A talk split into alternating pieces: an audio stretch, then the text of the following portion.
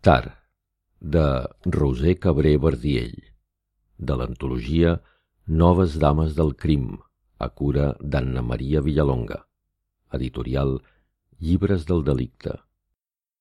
Veu Maribel Gutiérrez, de En veu alta, enveualta.cat.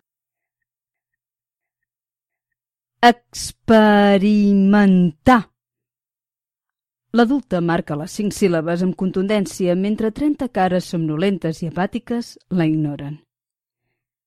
L'adolescent badalla. S'avorreix com només els adolescents se saben avorrir, amb aquell posat que barreja indiferència amb rebuig, desídia amb tírria. Experimentar, repeteix la professora. Els alumnes no reaccionen. És un no diàleg entre 30 adolescents muts i una adulta que ensenya literatura a canvi d'un poc competitiu salari en un centre públic de la gran ciutat. Una adulta que ara els diu que tenen cinc dies per escriure sobre una experiència personal. Vol un relat vital, autèntic, que els surti de les entranyes, que els faci trontollar, que els confronti amb la seva realitat. Els alumnes callen. Insisteix. Heu de deixar la vostra zona de confort. Heu de fer, tocar, tastar, sentir. Heu d'experimentar. Silenci. Desinterès total. La professora sospira i amb un cert menyspreu els diu que són peixos dins una peixera, que bleixen i penteixen, que es limiten a respirar per sobreviure sense curiositat per saber què hi ha fora, vidres enllà. L'adolescent ja no badalla. Aixeca el cap, els ulls a la finestra. L'adult ha dit peixos i l'adolescent té cinc peixos, dins una peixera tots de colors. Sovint els observa i pensa que són idiotes – Fan voltes, mengen, neden, tornen a fer voltes, tornen a menjar, tornen a nedar. L'adolescent mira més enllà dels vidres de la seva peixera particular. La ciutat allà fora es mou. No vol ser un estúpid peix. Juraria que la professora només parla per ella quan diu que per escriure primer ha de viure.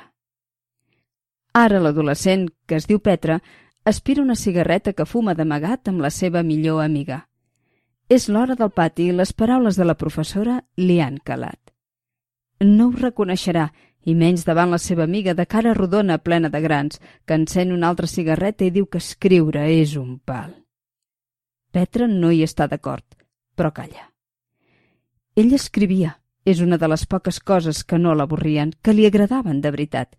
Omplia quaderns amb frases i paraules, subjectes i predicats, fins al dia que la seva mare els va trobar. No sabia que escrivies, li va dir tot a sarcasme. I després va somriure amb desdeny. Petra la va odiar, per llegir-la i per menysprear-la amb la mirada, amb uns ulls que reien mentre deien «No en saps i no en sabràs mai». Petra va llançar els quaderns. Ara, però, en té ganes. L'adulta l'ha provocat i només per demostrar-li que s'equivoca, que ella no és cap peix ignorant, tornarà a escriure i a viure. Farà, tocarà, sentirà, experimentarà. Escriurà un relat brutal i l'adulta fliparà. Ex Més tard, a classe d'alguna cosa, Petra llegeix la definició d'experimentar. Li agrada l'accepció que diu, literalment, ésser afectat per un canvi en bé o en mal, un guany, una pèrdua, etc. Té cinc dies per escriure sobre una paraula de cinc síl·labes i potser per començar podria experimentar una pèrdua. Perdre és només deixar de tenir. Perdre és fàcil. Mentre el professor parla d'alguna cosa que Petra no escolta, enumera mentalment totes les persones que conformen la seva avorrida realitat.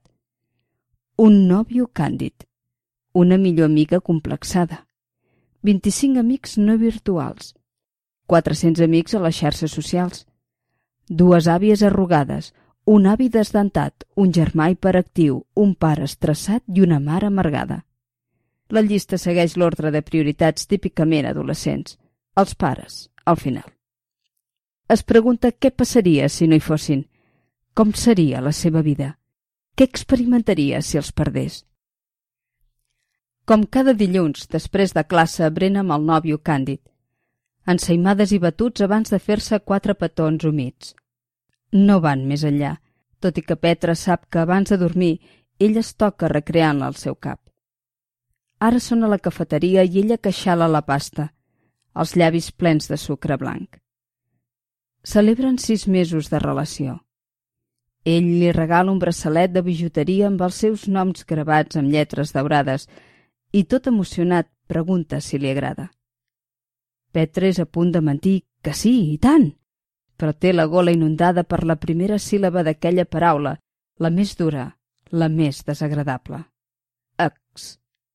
Per això no menteix i diu ex. Ex, diu. No, no m'agrada.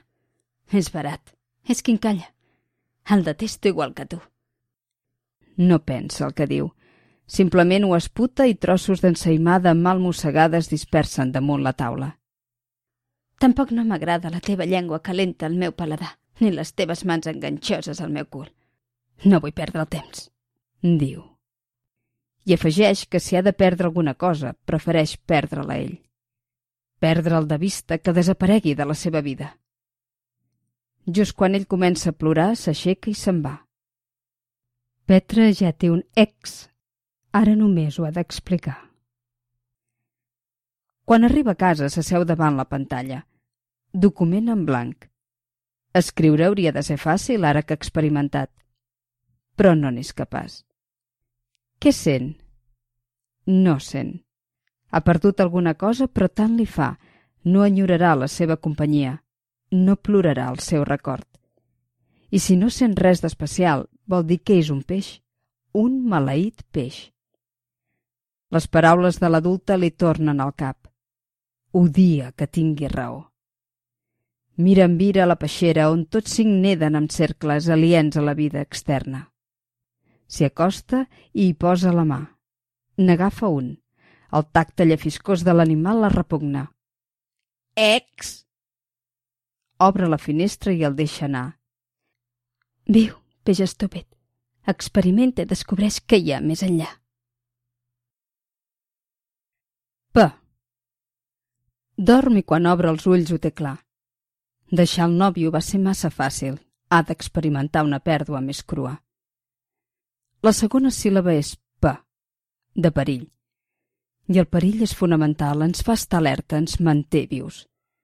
Mentre esmorza, encén l'ordinador i accedeix a una pàgina d'anuncis personals. Escriu. El missatge és breu, lleugerament críptic.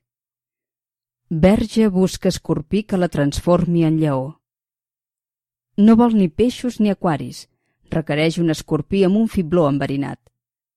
Abans de marxar no diu adeu als quatre peixos que neden immutables, ignorant que els falta un company. Ja classa el mòbil vibra.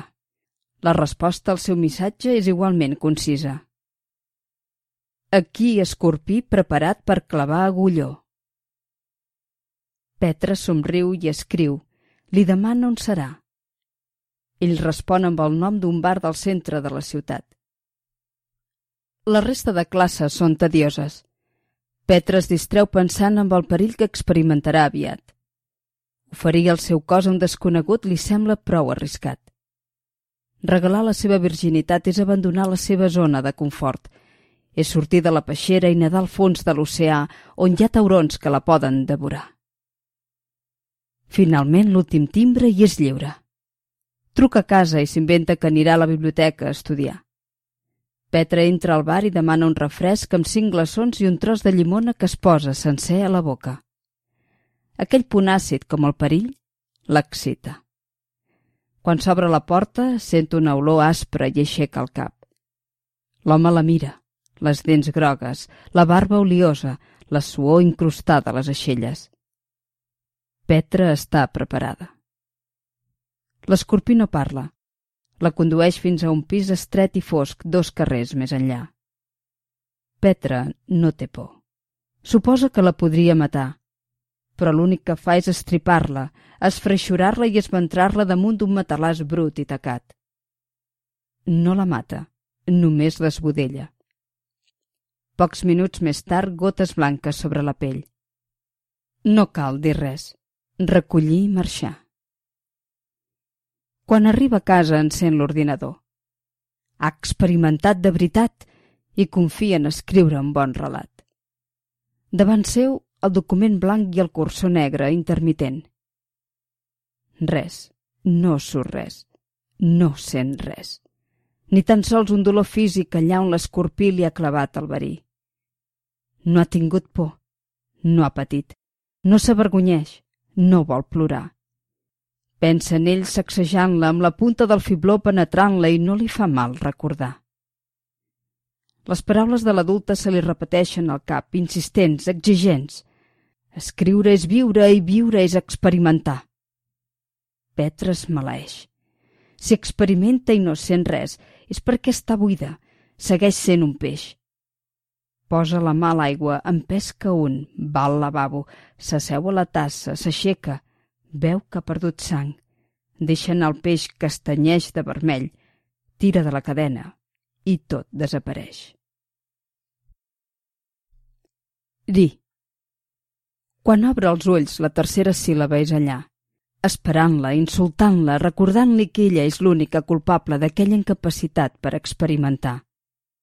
Di, de rígida, perquè és dura,èrtiga, granítica. És una pedra. Petra. El seu nom li escau. S'ha de deixar anar, fluir, tot encarcarada no pot experimentar. Decideix que farà campana, fingeix un mal de panxa que els pares se'n passen quan marxen a treballar encén l'ordinador. Necessita una recepta i sap on la pot trobar. Les pastilles del seu germà hiperactiu són l'ingredient principal. Es diuen Ritalin. Di.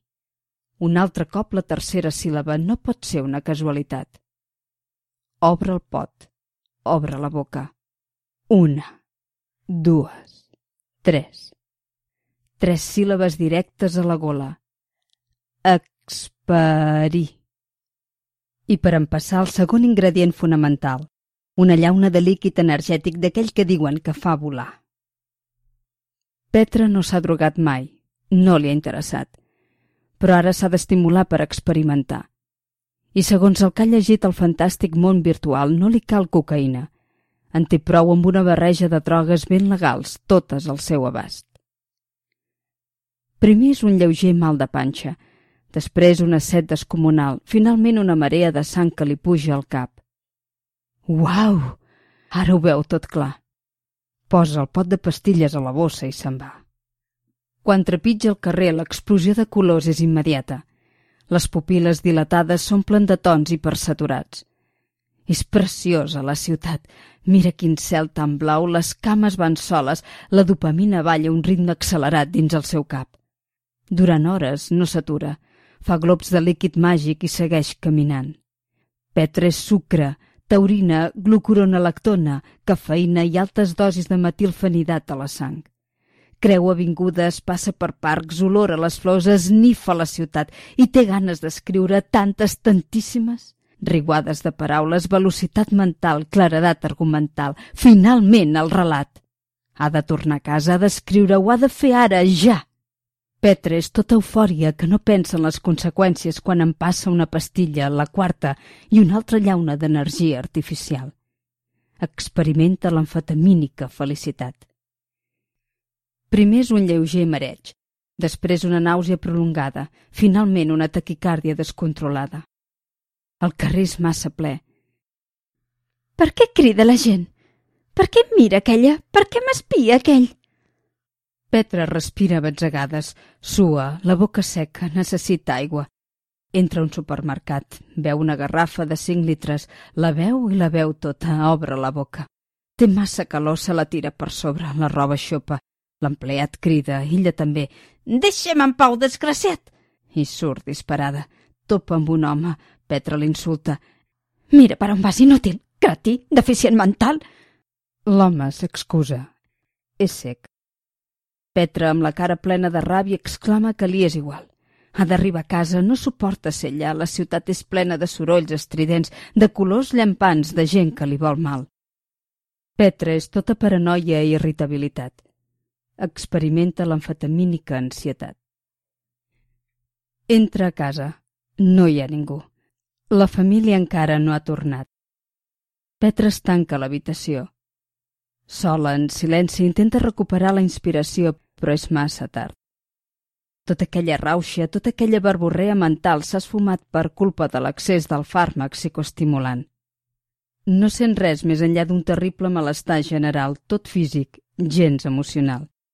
No se sent alliberada, segueix sent un peix idiota i ara sobre drogat. Obre el pot, treu una pastilla, l'esclafa fins que és tota pols blanca. Després la peixera s'omple d'aquell pulsim intoxicat mentre Petra murmura. Mengeu peixets. Empasseu peixets. Experimenteu, maleïts peixets.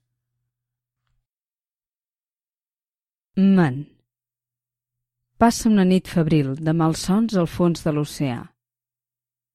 Ella amb el cos cobert d'escates i la professora amb un trident de posidor a les mans bramant que no sap escriure ni en sabrà mai. Es lleva amarada de suor i pren consciència que és dijous i encara no ha escrit res. Ni una paraula. Abans de marxar, mira la peixera i veu dos cadàvers flotant. Suposa que van tenir un viatge massa al·lucinant. Els agafa, se'ls guarda a la butxaca i se'n va. L'únic supervivent continua nedant. A classe, Petra es concentra en la quarta síl·laba. Man. Està convençuda que el següent pas de l'experimentació passa per aquelles tres lletres. Però no pot pensar. Una ressaca exagerada li emboira el cap. Està cansada. Potser si tanca els ulls i reposa una estona ho veurà tot més clar. La desperta un cop a l'espatlla. És el professor que la mira interrogatiu. Petra s'excusa. Diu que no es troba bé, que encara li dura el mal de panxa. L'home l'envia a casa. Petra és a la cuina quan la quarta síl·laba li torna al cap. Man. Potser vol dir que ha d'experimentar amb el menjar. Mira dins la nevera. Cap ingredient exòtic per tastar, només mongetes i un tros de lluç. Petra veu el peix mort i recorda que en té dos més a la butxaca. Potser és això. Els treu i se'ls acosta a la boca sense pensar. Si és el que ha de fer, ho farà. Tanca els ulls i en passa. La basca és terrible. La barreja de la ressaca amb les escates enganxoses la fa vomitar. Ajupida davant la tassa, Petra torna a notar la quarta síl·laba al seu cap. Man. Juraria que riu, sarcàstica. Se'n fot d'ella. Igual que la seva mare el dia que va llegir els seus quaderns. No sabia que escrivies, li va dir tot a sarcasme. I després va somriure amb desdeny tot a menyspreu perquè man vol dir menyspreu, és clar. I és precisament aquell menyspreu que la impulsa. Petra busca fins que els troba, sap que existeixen. Apareixen sota el llit, entaforats dins una caixa de cartró oblidada. Són els antics escrits de la seva mare, de quan encara escrivia, de quan encara publicava perquè un dia la mare va ser escriptora de veritat. Petra desconeix què va passar, per què ho va deixar. Només sap que viu amargada, farcida de menyspreu, turmentada. Petra no la pot suportar, per això va jurar que no la llegiria mai, però ara és diferent. Sap que ho ha de fer per experimentar. Passa pàgines de llibres, es perd entre relats, i com més llegeix, més gràcia li fa tot plegat. Petra descobreix una escriptora carregosa i extenuant, amant de les subordinades extremament llargues, dramàticament barroca i terriblement enfarfegada. És una escriptora grotesca, ridícula, lamentable. Petra riu i ara és ella que ho fa amb desdeny, tot a menys preu. Llegeix durant hores, però abans que els altres tornin a casa, guarda la capsa. Només agafa un quadern descosit amb escrits mai publicats. Els llegirà més tard. Petra sopa sense mirar-la. Sap que si ho fa, ella descobrirà que l'ha llegida. Ho ha d'evitar i es concentra en fer que el seu estómac, encara fastiguejat pels peixos de colors suporti la ingesta de menjar. Després diu que ha d'estudiar. A l'habitació s'asseu a l'escriptori i no encén l'ordinador, prefereix llegir. Entre les pàgines del quadern esgorgaït, Petra troba un paper estripat escrit a mà. Té una data. És de poc abans que ella nasqués. Això l'encurioseix. Llegeix. La lletra és agressiva, l'estil depurat. No hi ha subordinades, tot són frases curtes, paraules directes, paraules violentes que fan mal de veritat. I és aleshores que Petra sent. Finalment. El cop de puny final, un ús a l'estómac que puja per l'esòfag i no la deixa respirar. Ara podria escriure. Ha experimentat, i ha sentit i ha constatat que ja no és aquell peix solitari que ara pesca amb les mans. Damunt l'escriptori l'animal es mou amb espasmes. S'està ofegant. Però Petra no vol que es mori sense experimentar abans. Per això li clava la punta d'unes tisores afilades, perquè experimenti com ella què vol dir tenir el cor trencat. Tard. Quan obre els ulls tot és tan evident que té ganes de riure. Mira la peixera, buida de vida, i sap que ha guanyat. Ha anat més enllà. Ha deixat de nedar en cercles, ha sentit amb intensitat. Petra no és cap peix. Ara només ho ha de demostrar en paraules, escriure un excel·lent relat. Escriure el relat. Somriu mentre esmorza, no ho pot evitar. La seva mare la ignora simula estar concentrada en untar una torrada malmelada. Petra es fixa en les mans, envellides, arrugades, esgotades, atrofiades. Són les mans d'una fracassada. Abans de marxar a classe agafa un quadern. Avui escriurà a mà. A classe, Petra desvirga les pàgines en blanc. Escriu el relat que la professora ha demanat. Vital, que li surt de les entranyes, que la fa trontollar, que la confronta amb la seva realitat. Escriu sobre un adolescent que ha perdut, s'ha donat, s'ha intoxicat, que ha experimentat fins que ha descobert la veritat dura, àrdua, crua, com les paraules de la seva mare escriptora en aquell tros de paper estripat. Dic mentides Faig veure que sóc una feliç embarassada, però és tot una farsa. Noto el teu pes a dintre. Ets una pedra pesada. No em surt res perquè em xucles l'energia. Vull que desapareguis. He intentat ofegar-te amb gots d'alcohol pur, empassant globs amargs de licors estranys. Tu sobrevius, et resisteixes a morir. Surt de mi, no em deixes viure. No em deixes escriure. Petra no és conscient del pas de les hores ni del canvi de classes. Simplement escriu. Absorta, explica que aquell adolescent responsable de la infelicitat de la seva mare primer ha plorat. Llàgrimes carregades d'anys d'indiferència i displicència maternal, però que després, encara amb els ulls vermells i irritats, ho ha vist tot clar. Quan sona l'últim timbre, Petra encara no ha acabat el relat per això decideix agafar el metro en lloc de caminar. Allà podrà escriure al final. Asseguda al banc de l'andana, Petra continua. Explica que l'adolescent finalment ha entès que la seva mare escriptora li té enveja. Perquè l'adolescent que també escriu ho fa de manera viva, autèntica, brillant. En canvi, la mare cínica i amargada no pot ni ajuntar dues tristes paraules. Per això la menysprea, perquè s'odia. Petra s'atura un moment. Es pregunta què en pensarà la professora. Valorarà l'estil directe o el trobarà poc elaborat? La dona adora les subordinades, això Petra ho sap. Li és igual. Segueix escrivint, s'acosta al final. Petra sent el metro i s'afanya per acabar abans que se li escapi. Explica que, en el fons, l'adolescent sent llàstima per aquella patètica perdedora, perquè no ha aconseguit res del que s'ha proposat. perquè és una covarda que culpa la filla de la seva incapacitat per escriure i per viure. I sobretot perquè s'ha rendit. Petra ara riu. Ella no rendirà. Perquè el seu relat serà excepcional, molt millor que qualsevol escrit lamentable que la seva mare hagi escrit mai.